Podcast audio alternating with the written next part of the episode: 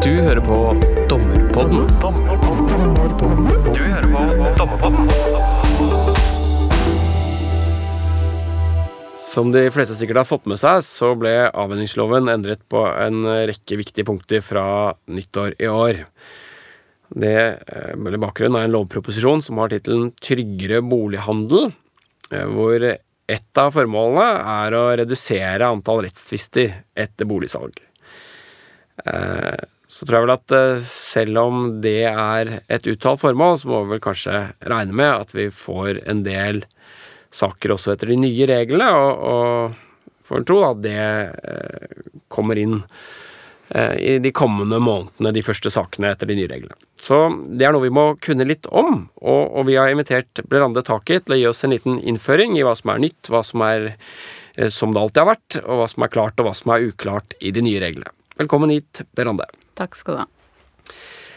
Du er eh, fagsjef for boligkjøperforsikring i Help. Har jobba med avhendingsloven og eierskifte i en årrekke.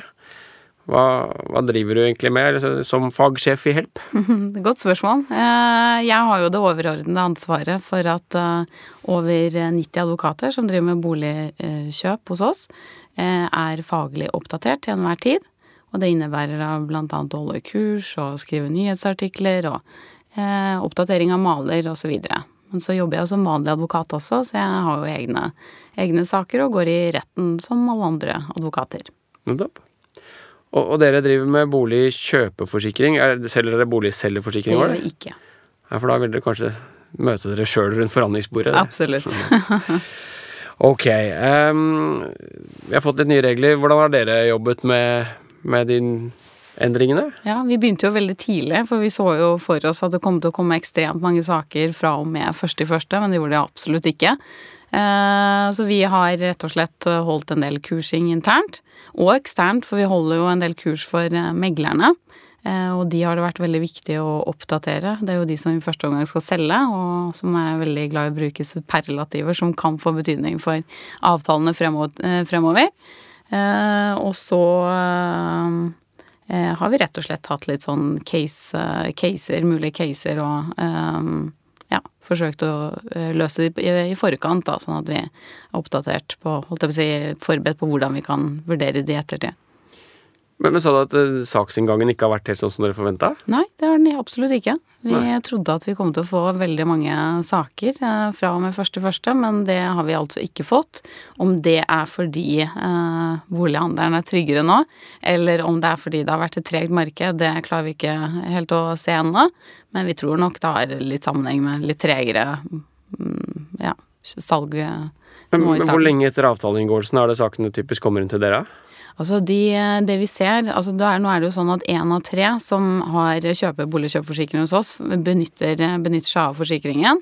Eh, og de fleste melder da inn sak innen tre til fire måneder etter at de har overtatt boligen.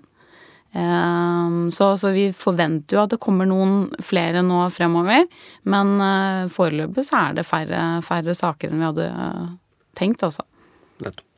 All right. Eh, nok om, eh, nok om help, kanskje, det, selv om det er interessant nok blant deg. Men eh, jeg påstår at avhendingsloven var endret på viktige punkter ja. eh, fra nyttår. Kan ikke du bare si eh, helt overordna hva, hva er det som er nytt, da? Ja. Det er, den største forandringen det er jo det at vi går bort fra et kjent kontraktsrettslig prinsipp. Det er at vi, det ikke lenger er lov å ta as is-forbehold eller alminnelig forbehold i det hele tatt. Eh, og det er rart. Vi ser jo igjen det prinsippet i mange lover, men man har altså valgt å gå bort ifra det. Men det er fortsatt lov til å avtale alminnelig forbehold ved salg mellom næringsdrivende, men altså ikke i forbrukerkjøp. Så det, det er det største. Eh, og som følge av at man nå fjerner eh, muligheten til å avtale seg, altså avtale et alminnelig forbehold, Eh, så må man jo lovfeste noe annet. Altså som, hvordan skal da sakene vurderes? Man må jo fortsatt forventningsjustere kjøper, og da har man da lovfestet noe som heter abstrakt mangelsbegrep. Og den finner vi i paragraf 3-2, så nå skal man foreta en vurdering ut fra litt mer abstrakte momenter, da. Eh, det kan vi vel sikkert komme litt inn på etterpå, hva som ligger i det. Tror jeg vi må. Ja. vi får også en lovfesting av kjøpers undersøkelsesplikt. Eh, om det er noe pedagogisk endring eller innskjerping, det kan vi også snakke litt eh, om. Men nå er det jo i hvert fall sånn at det som fremgår tydelig av salgsdokumentene, det må kjøper regnes for å kjenne til. Eh, vi får også, eller vi har fått, eh, nye bestemmelser om innendørs arealavvik. Det har vi hittil ikke hatt. Eh, som da sier at arealavvik over 2% og minst 1 kvadratmeter utgjør et avvik fra det avtalte, og dermed en mangel automatisk. Vi får også en Eller vi har fått, nå snakker jeg som om det ikke har skjedd, men det har skjedd. Vi har fått en egen bestemmelse om egenandel den er det knytta mye misforståelse til. Eh, fordi det loven sier, det er at eh, det skal trekkes fra en egenandel. Jeg liker ikke ordet, vi bruker heller egen risiko hos oss. For det er ingen som skal betale inn noe til noen. Men man trekker fra 10 000 kroner i et oppgjør. Men det er først etter at det er konstatert en mangel. Så det har ingen betydning for mangelsvurderingen. Kun for oppgjøret. Eh, misforståelse sier jeg fordi det er mange som tror at det utgjør avvikene, over, altså det, koster det over 10 000 kroner å utbedre avvikene, så er det automatisk mangel. Og det er det absolutt ikke. Det er derfor jeg sier at den kun får betydning for oppgjøret, og ikke mangelsvurderingen. Eh, vi har fått en eh, bestemmelse om selgers utbedringsrett, eller en endring. Den endringen innebærer ikke noe Det er ikke noe realitetsendring. Det sier bare at, eh, altså at paragraf 4-10, der er det uttømmende regulert hvilke rettigheter kjøper har dersom man har krenket selgers rett til å utbedre etter loven. Og det siste, som jo er kjempeviktig for å få til en tryggere boligandel, det er forskrift i avhendingsloven, som vi har valgt å kalle takstforskriften. Um, der har eh, de bygningssakkyndige, som det nå heter, fått et klart mandat eh, på hva de skal vurdere, hvordan de skal vurdere det, og hvordan det skal formidles til forbrukerne eh, i tilstandsrapport. Så det er rett og slett disse endringene. Nettopp. Fint. Vi, vi, skal komme litt tilbake til de viktigste av disse, i hvert fall. Ja. Eh, men det var fin innledning, Blerande. Kan du si noe liksom, hva er bakgrunnen for at vi har fått disse endringene. Jeg sa at uh, proppen heter 'Tryggere bolighandel', så det kan kanskje gi oss en pekepinn. Men, mm. men hvis du vil fortelle litt om uh, Hvorfor trengte vi å få endret avhendingsloven sånn som du har beskrevet? Ja, Det har vært uh, foretatt en undersøkelse i forkant. Jeg tror det var Forbrukertilsynet som foretok den undersøkelsen, som viste at én av fem kjøpere klager etter boligkjøp. Og Det er et ganske høyt antall, og man ser også i domstolene at det er veldig mange avhendingssaker til behandling. Eh, jeg sa jo i stad at én av tre som kjøper boligkjøpforsikring hos oss, har eh, benyttet den hittil. Og det er også et ganske høyt antall. Eh, så man har rett og slett sett at det er behov for å gjøre noen endringer, og det man har sett, det er at kjøperne har fått for dårlig beslutningsgrunnlag. Så det har vært et informasjonsunderskudd i lang tid. Man har overført selger som har kjent eiendommen gjerne i flere år, har kunnet gjemme seg bak dette Assis-forbeholdet, Eh, og som overførte risikoen over på den kjøperen som virkelig ikke har noen forutsetning for å kjenne til den boligen. Og det har ført til en del skuffelser. Og den mest fremtredende årsaken til eh, tvistesakene har vært for dårlige tilstandsrapporter. Så det har gitt for lite og for dårlig informasjon. Så derfor har man nå vedtatt en helt ny forskrift som skal endre på det, da. Mm. Um, ja, du jeg vet ikke om man kan, kan snakke om en, en bransje her, men, men hvordan, hvordan, er liksom regelendringene tatt imot av av de som driver mye med avvenningsjus? Er er oppfatningen at dette er gode regler, eller er det, er det noen som er negative? de fleste har vel vært positive til regelendringene. Man kan jo ikke være uenig i at det er bedre med tryggere bolighandel. Det som uh, uenigheten eller skuffelsen har knytta seg til, det har jo vært eh, at uh, takstmannen som skriver tilstandsrapporten, ikke har fått noe kompetansekrav. For det var også et tema om man skulle, i, tillegg til forskriften til avhendingsloven, man ga takstmennene eller bygningssakkyndige klare mandat, også skulle stille kompetansekrav. Men det har man altså ikke gjort. Så det, det har lovgiver sagt, at det må vi bare se på over en tid, og se om det er årsaken. Altså for dårlig kompetanse er årsaken. Er det, er, det, er det, noen formelle krav til disse jeg kaller det takstmenn, ja, men ja. hva var det het? Nei, det er, eh, det er bygningssakkyndig. Bygningssakkyndig, ja. Det er, eh, så vidt meg er bekjent, så har de ikke noe kompetansekrav utover eh, kursing eh, som de gjerne må ha bestått for å være en del av f.eks. Eh, norsk takst, da. Nettopp. Ok. Um, vi, vi, skal få snakke litt konkret om disse eh, enkelthetene i, i lovendringen. Og, og da er det vel kjent for de fleste at eh, fram til Eller hvis man solgte bolig før nyttår, da, får jeg si, så, så solgte man gjerne Assis, som det er, med et alminnelig forbehold. Og det, det medførte da i prinsippet at selger ikke hadde noe mangelsansvar. Og loven sa at man kunne få et mangelsansvar hvis, eh, hvis det var skjulte mangler som medførte at eh, eiendommen hadde, eller var i vesentlig dårligere stand enn det kjøper hadde grunn til å regne med. Så var det regler om opplysningssvikt, at det var hvis man hadde gitt uriktige opplysninger av betydning, eller, eller ikke hadde gitt viktige opplysninger. Eh, dette kjenner sikkert mange til, i hvert fall. Men det er ikke lenger adgang til, i, i forbrukerforhold i hvert fall. Og bare kan vi ta det først. Hva er forbrukerforhold? Eh, det er en litt sånn spesiell definisjon av forbrukersalg i, mm. i den loven. Det er hvis, hvis, kjøperen rett og slett er, eh, ikke handler som ledd i næringsvirksomhet. Nettopp. Mm. Jeg skjønner.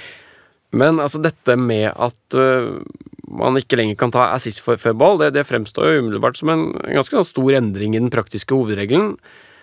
Så, altså, så hvor big, big, deal er det egentlig? Altså, er dette en stor endring? Ja, det er det. Jeg vil si at det er en veldig big deal. Man eh, går som sagt bort fra et kjent kontraktsrettslig prinsipp. Selger har hatt muligheten hittil til å gjemme seg bak. Nå sier jeg hjemme under anførselstegn, som folk ikke ser. Eh, for det er ikke alle selgere som holder på sånn, men man har i prinsippet kunnet gjemme seg bak et Assis-forbehold eh, og overført risikoen, all risiko for skjulte feil og mangler over på kjøper. Og så har kjøper da måttet gå gjennom en ganske høy terskel for å kunne nå frem et krav om eh, prisavslag eller heving eller hva det nå måtte være. Eh, så forandringen er stor. Er det sånn at selger nå ikke kan fremlegge dokumentasjon, eh, så vil det gå utover selger at eh, kjøper da finner et avvik som ikke var påregnelig, da. Så dette er ikke bare at den det liksom rettslig sett ser annerledes ut. Det er reell risikooverføring. Det er en reell risikooverføring. Ålreit. Så jeg, da, som, som jeg kjøpte kåk i desember og, og, og, solgte nå i februar, det var dumt, da. Du kan jo si det, men så lenge du er ærlig og kjøper boligselgerforsikring, kan vel si at det kanskje ikke er så dumt likevel. Så formålet, altså den eh, bestemmelsen er jo ikke ment å ramme lojale selgere som forsøker å fremskaffe den informasjonen som kreves i henhold til forskriften og, eh, og loven. Så jeg tenker at så lenge du har formidlet opplysningene på en tydelig måte og forsøkt å fremskaffe informasjon om eiendommen, ikke holdt tilbake opplysninger, så skal det i prinsippet gå, gå, gå bra. Krysser fingra for det. Jeg, jeg, kjøpte ikke boligkjøperforsikring, da, for jeg tenkte at jeg var så god juss sjøl. Men, eh, men eh, så det får du, Den eh, feilen har jeg tatt tidligere også, og så endte jeg opp med en sak hvor jeg måtte bære prosessrisikoen sjøl, så ja. Men nok om det. All right. Um, men, men, vi får snakke litt Vi snakker om et forbud mot Assis-salg. Det er vel kanskje ikke forbudt, for så vidt. Det er bare at det ikke har virkning i forbrukerforhold. Ja. Mm. Um, men hva er det egentlig som, som gjelder nå? Kan du klare å si litt om Ehm, eh, av? hva, er rettstilstanden når det gjelder dette? Nå er det jo avtalen som, er, eh, som, gjelder. Altså det som fremkommer av avtalen. Nå er det mer avtaletolkning. Man må se hva avtalen lover. Og hvis det er sånn at avtalen ikke sier noe konkret om det avviket som er avdekket, eh, si at man f.eks. har avdekket at det ikke fulgte med parkeringsplass eh, med den leiligheten, og så ser man i avtalen at det står at det skulle være en parkeringsplass, følge med handelen, så vil det være direkte brudd på avtalen etter paragraf 3-1. Men hvis man da ikke eh, klarer å tolke svaret ut fra avtalen, så skal man foreta en abstrakt mangelsvurdering. Så, og det er rett og slett en kvalitativ vurdering lik den vi har sett etter vesentlighetsbestemmelsen, eh, bortsett fra den terskelen, da. Fordi ditt, ditt eksempel med, med garasjeplass, det vil jo antagelig ikke være noe annerledes eh, nå enn tidligere, fordi det vil jo hvis du har opplyst at eh, det var garasjeplass, så ville det være en riktig opplysning også etter de gamle reglene går fra. Ja, men eh, terskelen er likevel litt lavere, fordi har eh, denne garasjeplassen den hadde måttet vurdere, altså Saken hadde måttet blitt vurdert etter paragraf 3-8 om uriktige opplysninger. Og så hadde man jo selvsagt kommet til at det er en uriktig opplysning, men der skal du også gjennom et sånt innvirkningsvilkår. ikke sant? Vurdere om det hadde, hadde hatt innvirkning på avtalen. Og det er der terskelen litt høyere etter 3-7 og 3-8 enn det er etter 3-1. da. Nettopp. Burde kanskje hatt den boligkjøperforsikringen. Ålreit, nei, enig. Um, men, men, så til den, denne litt sånn abstrakte mangelsvurderingen, som du sier. Og, og, da sa du at det var uh, noe av det samme utgangspunktet som vi hadde et, tidligere. som er vel noe med hva en kjøper med rimelighet, forvente, ja. rimelighet kunne forvente. Og, og, og da er det sånn at det er den samme vurderingen, altså hva man med rimelighet kunne forvente nå Hvert- som tidligere. I hvert fall veldig lik fordi man skal foreta en vurdering ut fra avtalen, det du kunne forvente ut fra avtalen, og mer abstrakte momenter som annet boligens alder, eh, visuelle tilstand eh, osv. Det er abstrakte momenter som ikke sier noe konkret, men en samlet vurdering. Så den er eh, ganske lik den vi har foretatt eh, tidligere, bortsett fra den kvantitative biten. Den er jo ikke nevnt i bestemmelsen lenger. Og glad er vi for det, for vi har brukt altfor mye tid på å snakke om noe prosentlære, 3-5-6 av kjøpesummen, eh, som vi tidligere selvsagt har ment at det kun er et moment i vurderingen, men så har det blitt brukt som et sånt kumulativt vilkår eh, for at man i det hele tatt snakker om vesentlighet. Det kvantitative momentet, det er ikke helt utenkelig at det kan få betydning, hvor stor utbedringskostnaden er, men det er ikke direkte nevnt i lovteksten, og heller ikke ment at det skal gjøre heller. Så nå blir det desto viktigere med kvalitativ vurdering, men hvor den terskelen skal ligge, det er opp til dere dommere å sette. For, og når du sier kvalitativ vurdering, klar, klar å forklare hva, hva mener du med det? Et, et eksempel? Ja, hvis du f.eks. har overtatt en bolig fra 80-tallet, øh, overtar den boligen, og så begynner eh, Så får du en vannlekkasje, eller lekkasje fra taket, tre, fire, fem måneder etter at du har overtatt boligen. Eh, Så vil det, man måtte vurdere om du, altså denne kjøperen, ut fra salgsdokumentene og mer abstrakte momenter, hadde grunn til å forvente denne lekkasjen. Eh, og da må man jo rett og slett se hvordan har markedsføringen av det taket vært, for det er der jeg har bedt meglerne om å roe ned superlativene. For det er klart at den forven de forventningene du skaper gjennom salgsdokumentene, det er jo også det kjøpers forventninger baserer seg på. Eh, så man skaper store, forvent eh, for store forventninger der. Og så ser du også i tilstandsrapporten, er det opplyst noe konkret om det taket. Er det f.eks. skrevet at taket har fått tilstandsgrad 1 og ser visuelt veldig fint ut. Man har vært oppe på loft, for det plikter jo den bygningssakkyndige å gjøre nå, å sjekke taket vurdere tilstanden. Hvis alt er good, så har du jo kanskje ikke grunn til å forvente det.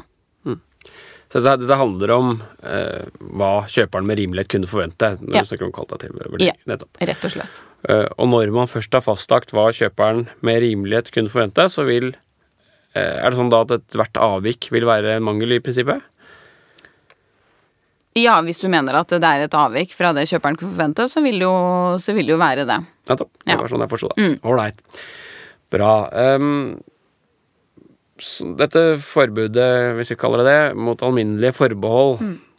eh, Så vidt jeg forstår, så er ikke dette hinder for at man tar spesifiserte forbehold. Kan du si litt om, liksom, om det? Ja. Eh, det er helt korrekt at loven åpner opp for spesifiserte forbehold, men så må man jo vurdere om det spesifiserte forbeholdet er så lite spesifisert at det likevel anses som et alminnelig forbehold som da ikke vil få virkning. Man kan f.eks. ikke eh, ta forbehold om at det ikke er fuktskader i noen av veggene, for det er jo et alminnelig forbehold. Det er for stort, det er ikke begrunnet i noe konkret. Så skal du ta et spesifisert forbehold, eh, som da får virkning, så må det være begrunnet i noe konkret. Har du f.eks. hatt um, en el elektriker på besøk, for, eller gjennomgått, altså en sånn tilsyns, eh, fått en tilsynsrapport som avdekker noen eh, feil ved det elektriske anlegget, så kan du da som eh, selger ta forbehold om at det, det kan være feil utover det som er benevnt i rapporten. For det er begrunnet i noe konkret, du vet at det allerede er feil der, men du har ikke sjekket hele anlegget, da. Og et sånt forbehold vil da kunne være Det vil få virkning. ha virkning. Ja. Nettopp. Skjønner. Um, men sånn at uh, man kan ikke ta forbehold om at det ikke er fukt i boligen, det skjønner jeg. Det, var, Ja. det gir mening. Ja. Det er litt sånn banalt eksempel, men, eh, men jeg tror nok det vil være noen, eh, noen saker der det er tvil om det er tatt et forbehold som, er, som kan få virkning eller ikke. Så det tror jeg nok at domstolen vil, vil se. Nettopp. Man kan sikkert tenke seg situasjoner hvor du har fuktproblematikk i deler av boligen, og Ja. ta forbehold om fuktproblematikk også i den øvre delen av boligen, hvor, Mm. hvor det for så vidt er et, et stort forbehold, men, Mm. men hvor det er gode grunner for å ta det. Mm. ja. Um, greit. Um, vi kommer litt tilbake til det, men uh, kanskje det passer her eh, dette med, Det er også kommet noen nye regler om tilstandsrapport, Ja. nevnte du. Mm. Eh, kanskje du vil si litt om betydningen av den i mangelsvurderingen? Ja, altså nå er det jo den forskriften eh, som gir de bygningssakkyndige eh, et klart mandat, den er jo eh, Det er jo en av de største endringene, som jeg sa. Den eh, stiller strenge krav til hvordan opplysning skal formidles til eh, kjøperen eller forbrukeren. Det skal formidles på en klar og tydelig måte. Det har vi sett har vært et problem eh, hittil. At man har skrevet f.eks. NB sluk ikke skiftet. Eh, uten at det har gitt mening for den enkelte forbruker. Mens vi som holder på med det, vi vet jo at oi, oi, har du lagt ny membran og ikke skiftet sluk, det er jo risikokonstruksjon. Eh, men det har jo ikke kjøperne fått med seg, naturligvis. Eh, så det er, det er en stor endring, i tillegg til at man da blant annet altså nå skal konkret inn og vurdere. Du kan ikke lenger si at 'jeg har ikke sjekket boden i kjelleren fordi den var overfylt av ting'. Du får en flytteplikt. Eh, så selgeren må gå inn og fjerne ting og legge til rette for at takstmann kan foreta den vurderingen eh, av den boden. Eh, samme med taket. Du er flere som lagrer gjenstander på taket. Det, nå får man flytteplikt, så må man gå inn og konkret vurdere taket. Så du kan ikke lenger ta forbehold om at du ikke har vært og sett, som vi ofte ser i dag. En annen ting er jo at man skal ta hull i tilstøtende rom til badet for å avdekke om det er noe fukt. Hvorvidt det er en fineregel eller ikke, det trenger vi ikke å ta opp her, for det kan jo være litt sånn egnet til å skape en sånn falsk trygghet. Eh, men sånn rent eh, sånn utgangspunktet så er det en veldig fin regel. Um, ja. Skal man, altså Må man ha en sånn tilstandsrapport? Du må ikke ha en tilstandsrapport, eh, men eh, poenget med disse lovendringene eh, og forskriftene er å legge til rette for mer informasjon. Og legger du ikke til rette for det, så vil du også bære et større ansvar som selger. Og hvordan skal du da tilrettelegge for mer informasjon? Det er å innhente en tilstandsrapport som grundig vurderer boligen. Så gjør du Så selger har fått sterke insentiver til å faktisk innhente tilstandsrapporten. Det har vært vurdert om man skal gjøre gjøre det til en eh, plikt for selger, men det har man da ikke gjort. Så, men insentivene er der. Så, men det som er litt sånn, som jeg tror dere kommer til å måtte behandle, det er jo virkningen av en ikke godkjent rapport. For da har du f.eks. ikke tatt hull, eh, ikke tillatt takstmannen å ta hull i tilstøtende rom eh, til bad. Eh, så er jo, og du får en vannlekkasje på det badet som kjøper, så er jo i prinsippet eh, rapporten ikke godkjent. Står det direkte i forskriften. Og da blir spørsmålet hva er virkningen? For i forarbeiden til paragraf 310, hvor denne forskriften er hjemlet, i avhendingsloven, så står det jo at man skal fingere uaktsomhet hos kjøperen. Og hva betyr det? Skal du se bort fra hele tilstandsrapporten? Skal du uh, kunne se til deler av den? Eh, altså, man kan tenke seg at Eh, hvis den eh, takstrapporten ikke fullt ut er i samsvar med den forskriften, ja. så skal man se helt bort fra alle opplysninger som er der? Er det det som liksom er problemstillingen? Ja, det er jo i prinsippet det som står i forarbeidene. Men eh, det er jo også et sånt stort innhugg i en avtalerettslig altså prinsipp. Du, den, den, det dokumentet er jo der. Det er jo en del av avtalen. Skal du se bort ifra deler av avtalen?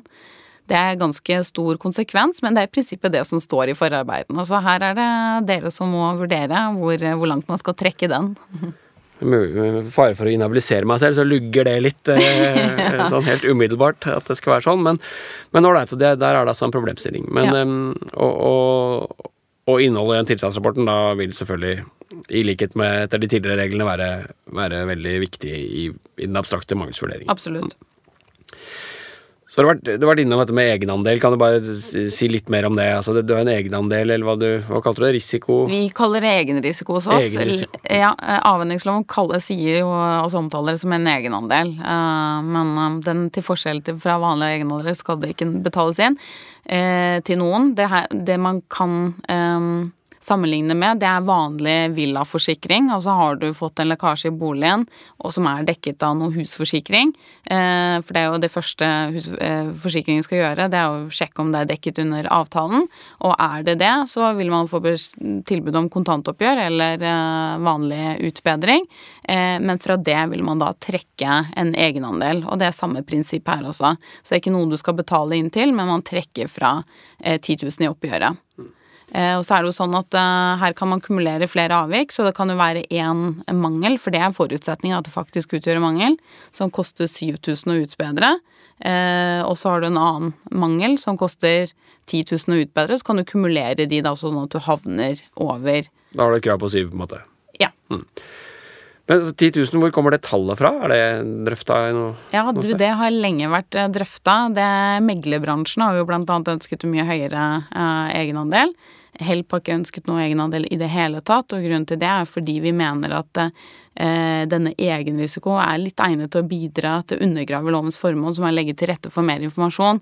For det man egentlig sier, det er at selger kan holde tilbake opplysninger om avvik. Småting. Ja, Hmm. rett og slett. Nettopp. Men, eh, men eh, står det noe om hvorfor de har valgt akkurat 10 000? Skal det justeres, på en måte? Nei, den, den skal ikke fortløpende justeres, men skal foretas en vurdering etter flere år, da, om man kanskje skal indeksregulere den. Men det er ikke noe som Den kommer til å stå, være latent der i flere år fremover. Eh, Men hvorfor det er 10 000, det har vært røftet opp i mente, og man har kommet til at det er en sånn passende passende sum, og så har man tenkt at eh, for de som f.eks. har et eh, krav, altså mangelskrav, som er på 12 000, eh, så har man tenkt at man kanskje forhindrer de å gå til retten, fordi det du maksimalt vil oppnå er 2000 kroner.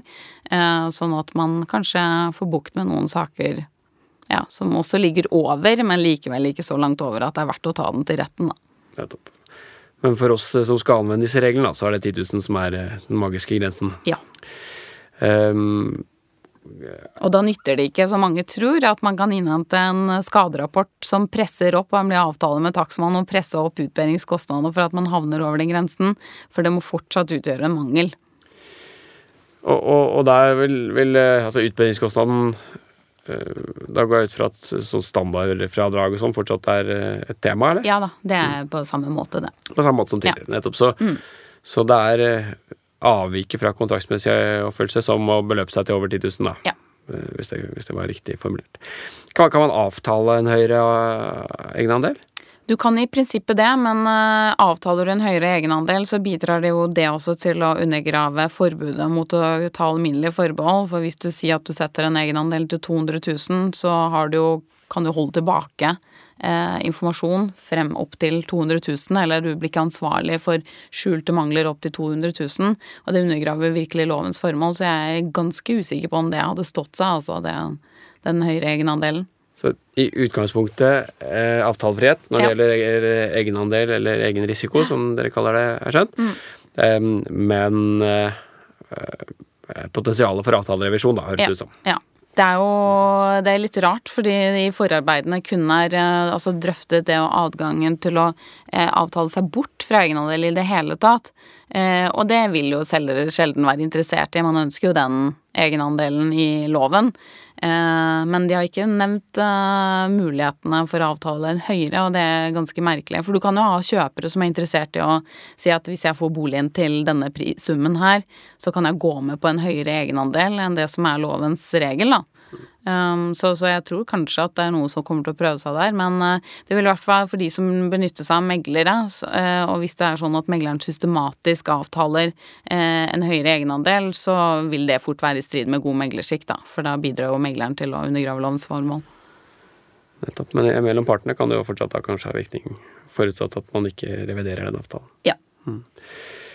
Um, ja, det er jo rart nesten egentlig at ikke det er drøfta i forarbeidene, fordi det er jo uh, si, mye, mye mer penger i å tjene i å øke den enn å senke den uh, terskelen. Absolutt. Vel, vel. Um, greit. Uh, hva så med disse reglene om opplysningssvikt, altså manglende og uriktige opplysninger? Er de fortsatt interessante i den mangelsvurderingen vi gjør etter de nye reglene? Eh, Jeg vil påstå at det ikke er det i så stor grad. Skal du kunne konstatere mangel etter 3.8 om uriktig opplysning, så er det jo et krav at opplysningen må være konkret, og må være spesifisert, og du må ha grunn til å stole på opplysningen. Men er den konkret spesifisert, og du har grunn til å stole på opplysningen, så er det jo brudd på avtalen etter 3.1, ikke sant? Eh, Som det jo er lavere terskel for å nå frem med krav på, fordi du ikke har innvirkningsvilkåret. Eh, Så jeg, jeg klarer rett og slett ikke å se hvor, hvilke tilfeller paragraf 3-8 skulle være aktuell, som da ikke rammes av hvor den ikke rammes av 3-1.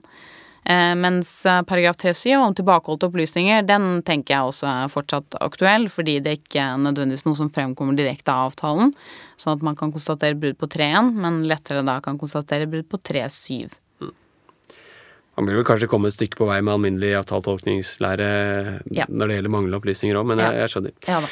Ålreit. Um, ok, for oss praktikere så har vi jo vent oss til å bruke en del rettspraksis. Mm. Bukkebodommen kommer mm. plutselig opp her, i ja. mitt hode iallfall. Er, det, er det noe vits å huske på disse rettstidsreferansene lenger? Det er artig at du nevnte Bukkebodommen, fordi Bukkebodommen handlet jo om eh, en sak hvor det var gitt risikoopplysninger i salgsdokumentene om noe lekkasje, men så viste det seg i ettertid at eh, skadeårsaken var noe annet, og dermed også større skadeomfang og høyere kostnader. Eh, og det Høyesterett sa i den saken, at det er jo at man i det hele tatt kan stille spørsmål om det utgjør et brudd av, altså på avtalen etter paragraf 3-1, selv om den var vurdert etter den vesentlighetsterskelen. Så man har jo egentlig tidligere vært inne på altså det, Avtalen har jo alltid vært utgangspunktet, men så var avtalt en høyere terskel. Men den blir jo eh, fortsatt relevant i den forstand at er det gitt risikoopplysninger, eh, det er omtalt at det er tas til forbehold eh, om, eh, om, en lekkasje, så er det jo noe kjøper regnes for å kjenne til, og dermed ingen avtale bruddet etter 3.1. Så jeg, eh, det som knytter seg til 3.7 og 3.8 om tilbakeholdte opplysninger, det er fortsatt like relevant. De bestemmelsene står uendret. Eh, de kvalitative vurderingene etter paragraf 3-9, altså vesentlighetsterskelen, eh, de kan eh, fortsatt være relevante, men du må nok, vi nok, må nok få en ny rettspraksis hva gjelder terskelen etter paragraf 3-2, altså den abstrakte mangelsvurderingen. Mm, Når du nå fjerner vesentlighetsterskelen, så hvor, er avvik nok? Hm. Nettopp. Så de uttalelsene i rettspraksis om hvor stort avvik som er et vesentlig avvik, kanskje mindre interessant, men, men det som eh, Høyesterett har sagt om hva kjøperen med rimelighet kan forvente, eller da, som ofte også er utgangspunktet etter de gamle reglene, det vil være eh, interessant å se på fortsatt. Ja. Um, men da litt uklart uh, kanskje akkurat hva når, vi, når det blir revangel eller ikke. Ja, ja. Skjønner. Mm. Fint, Blerande. Vi har kommet et stykke på vei, og jeg hadde håpet å holde oss under en halvtime. Jeg vet ikke om vi klarer det, men um, vi har kommet et stykke. Øvrige endringer står i mine notater som neste tema. Vi har vært mm. inne mye av det. Um, undersøkelsesplikten har vi kanskje ikke sagt så mye om. Jeg har lest i avisa i hvert fall at undersøkelsesplikten er skjerpet. Du var så vidt inne på det mm. innledningsvis. Altså den er skjerpet i den forstand at uh, tidligere så kunne man tolket om kjøpere er uh, Altså om de opplysningene som er gitt i kontraktsdokumentene er tydelige nok, eller eh, til at kjøper eh, likevel anses å ha kjent til det. Men nå er det jo sånn at nå slår eh, paragraf 310 fast at så lenge opplysninger er kommet tydelig frem i salgsdokumentene, så er det eh, så regnes kjøper for å være kjent med opplysningene. Så det er mindre tolkning i den forstand, men jeg, i, prinsippet så vil jeg si at det er en ren pedagogisk endring. Eh, du ville jo ikke kunnet gjøre gjeldende noe som sto i salgsdokumentene tidligere heller. Jeg vil jo tenke det at eh, også før nyttår, hvis det sto i takstrapporten, så hadde du jo oppoverbakke som kjøper. Ja. Ja. Um, men, men, nå er det da altså kanskje enda tydeligere i loven, da. Ja, det er pedagogisk eh, endring i den forstand at det er veldig mange kjøpere som hittil ikke har lest salgsdokumentene, så det er litt sånn oppdragende effekt på kjøperne, håper vi iallfall. ja. Ålreit, uh, så var det noe om arealavvik. Det er også sagt helt kort. Eh, ja. Vet ikke om det er noe å legge til om det? Nei, ja, der kan jeg si at det bare Altså, det gjelder både P-rom, eh, som man kjenner til, og BRA, altså bruksareal. Eh, ja, det, alt det der er helt for, Jeg blir så forvirra av alle de forkortelsene. ja. S-rom er jo eh, er ikke eh, særlig altså noe lenger noe særlig tema. Nå, bare for å ta et illustrerende eksempel, er det, har du solgt en leilighet på 80 kvadratmeter. Eh, og det er opplyst at eh, du har to soverom, hvor det ene er henholdsvis 15 og det andre 10. Og så viser det seg at eh, de soverommene de er på 10 og 10, eh, så like store. Så utgjør det ikke noe av, eh, arealavvik så lenge den eh, totale angivelsen av P-rom er korrekt. Så hvis stua er fem kvadratmeter større enn man trodde, ja. så så, så, er det ikke noe avvik så lenge den eh, totale eh, angivelsen er korrekt. Altså, det er jo den, du må se det opp mot den totale eh, arealangivelsen. Mm. Og, og hva, hvis du gjentar det, er det som, når er det det utgjør et avvik? Hvis det er over 2% og minst 1 kvadratmeter. Tidligere har man først så la man seg på en sånn grense på 8% avvik eh, etter paragraf 3-8 om uriktig opplysning, og så har vi sett at det har gått lenger lenger ned. Eh, det seneste jeg har sett, den har ligget på rett over 5% men nå er det altså over 2% og det er veldig enkel regel å forholde seg til, så sånn sett bra. Men det, de måleutstyrene som har kommet, så er det jo heller ikke urimelig at man ser eh, at man ikke godtar noe særlig med arealavvik. Ålreit, før vi gir oss, eh, Blerande. Um, hva var det Nå har jeg glemt hva den het, den proppen. Tryggere bolighandel. Altså, ja. Får vi det, eller? Altså, blir det mindre tvister framover, tror du? Det er for tidlig å si, men jeg tror absolutt at vi på sikt kommer til å få færre saker. Eh, til, jeg har sett en del tilstandsrapporter etter den nye forskriften, og de ser mye bedre ut. De er litt rotete i layout, men innholdsmessig så, så er de mer opplysende enn det de har vært tidligere. Så gjenstår å se da om disse takstmennene overholder eh, forskriften, eh, leverer bedre Eh, mer og bedre informasjon. Gjør de det, så er det absolutt grunn til å tro at eh, man får en tryggere bolighandel og færre saker på sikt. da.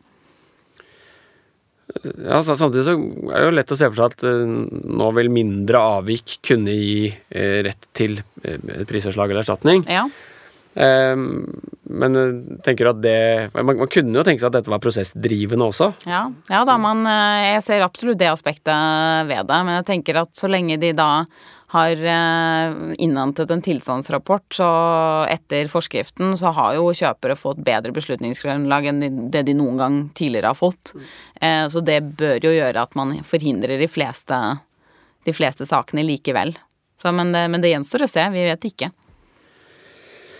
Du har vært innom noen ting du tenker det blir spennende å se hvordan domstolene vurderer her. Ja. Er det noen ting du ikke har nevnt, eller noe du vil understreke som du tenker at det blir spennende å se hvordan domstolene håndterer? Ja, nei, det er eh, stort sett uh, terskelen etter paragraf 3-2, altså abstrakte mangelsvurderingen, og så begrepene, og så virkningen av ikke godkjent rapport. Det er jeg veldig spent på å se hvordan vil vurderes, og også konkrete forbehold, da, om de vurderes som spesifiserte eller alminnelige uten virkning.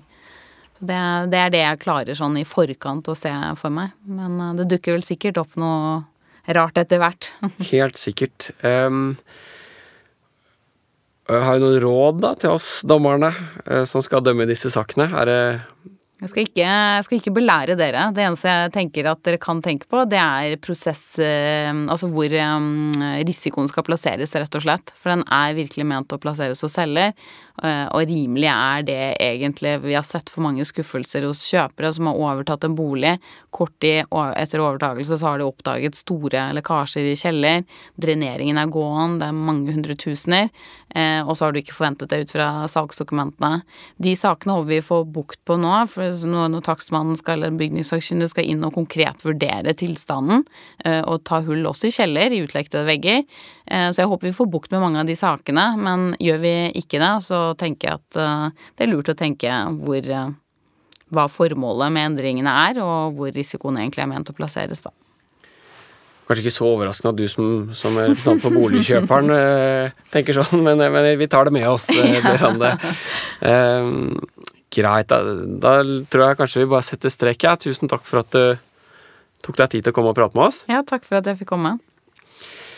Jeg heter Ola Berg Lande, som sammen med Ragnar Lindefjell og Runa Nordahl Hereid utgjør redaksjonen i Dommepodden. Vi høres. Du har hørt på Dommerpodden. Dommerpodden er en podkast fra Norges domstoler og er først og fremst ment som et kompetansetiltak for dommere. Hvis du har ris, ros, forslag til temaer eller folk vi kan prate med, så er vi glad for å høre fra deg, og da kan vi nås på podkast. Ha en god dømmende hverdag så lenge. Vi høres.